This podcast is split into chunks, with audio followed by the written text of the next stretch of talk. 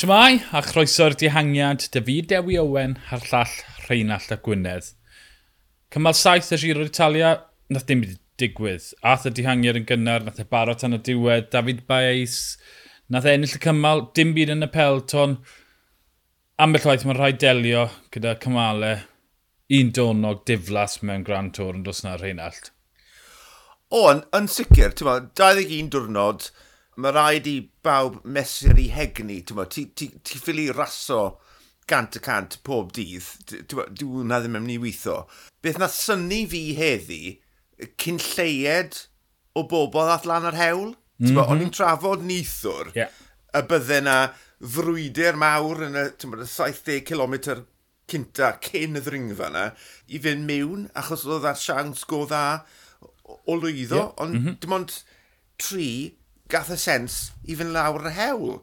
Ac, ac, ac yn y diwedd, dyna oedd y penderfyniad gorau.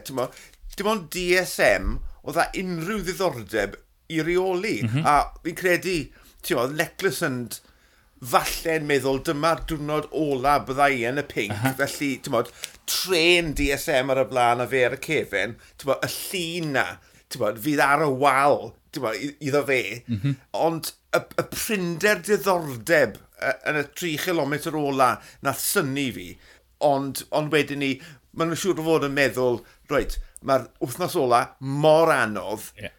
Bod, dyw 30 eiliad neu beth bynnag bydd yn gallu tynnu nôl yn ei dim gwaniaeth y gwbl, ond bod, da, Davide Baes, Eolo Cymeta, tîm sydd wedi cael ei gwahodd i'r ras yma, dwi mor falch, mor falch iddo fe bod wedi ennill. Y ras gynta iddo fe ennill yn y peloton proffesiynol, felly mae hwn yn ddwrnod hyfryd i seiclo. Er oedd y diwrnod yn boring tywa, i wylio, mae'r canlyniad yn ffantastig. Cytuno, twyd, ond ie, yeah. dim lot arall i weid. Oedd penwynt ar y dringfa ola, felly oedd e, e'n gormod risg i nhw yn ymosod. Oedd DSM y moyn i'r dihangiad lwyddo. Mm. A fi'n credu falle ddaw dyna beth dryd nath y tîm e ddim meddwl trwyddo, o, oh, okay, mae'r eiliadau bonus di mynd gan bod DSM ddim yn moyn rhoi y pink o dan risg, felly ie, yeah, dim byd i weid yn mwy. Blaw am da iawn i Bais a Siom i'r ddau arall yn dihangiad. Oedd heb ennill ras proffesiynol chwaith. Mlaen i gymal wyth. Diwedd glod diddorol. Um, disgo fel, wel, mae wedi cael ei ddynyddio, mae'n edrych fel cymal yn Hereno Adriatico. Mae yna fryniau yn y diwedd. I Cappuccini yw'r un sy'n mynd i greu rhan fwyaf o'r problemau am cael ei ddryngo dwywaith. Un 50 km i fynd a un mae'r y copa'n dod rhyw 5 km y diwedd dysgu ni i'r llinell derfyn. Rheswm pan mae e'n her, dim ond 2 km o hyd, ond mae e dros 10 y cant.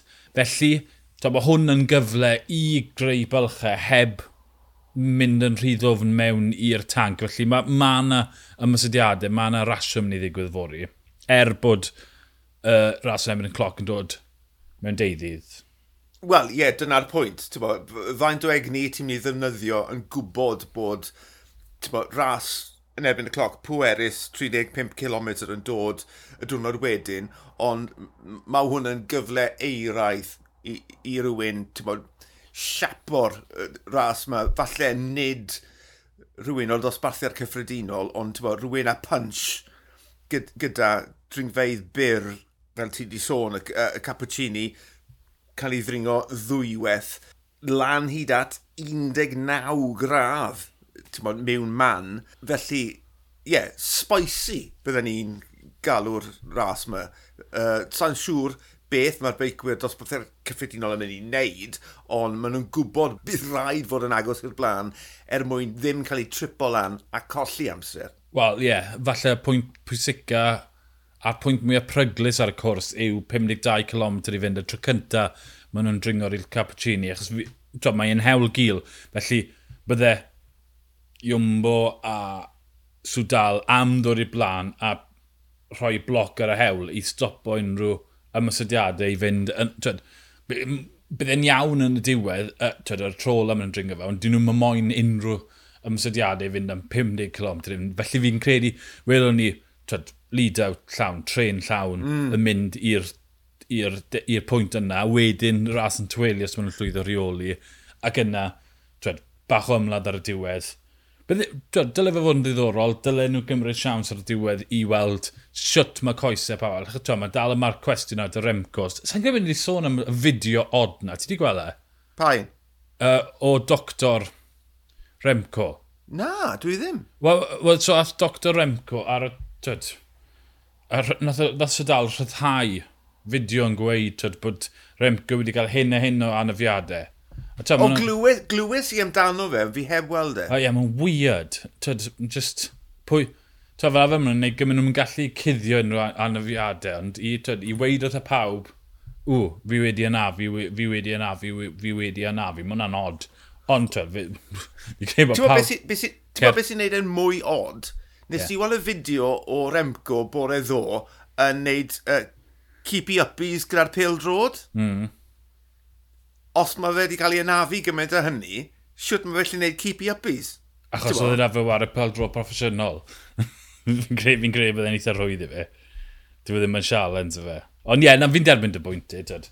Bod yn fflipo. Gen i weld fori, ond tyd, be ni'n ni sicr yn gwybod, mae'r ras go iawn yn mynd i adech am y deudydd. Fe, felly falle wylwn ni dwrnod tawel a fori.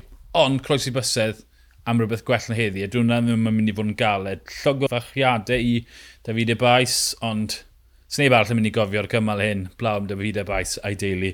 Mlaen ni at gymal 8 fori. Mi'n wch ni wedi'r cymal lle bydd siwr o fod bach mwy dyn ni drafod, ond yna fi, Dewi Owen, o'r llall Rheinald Llach Gwynedd, ni'r dihangiad, hwyl.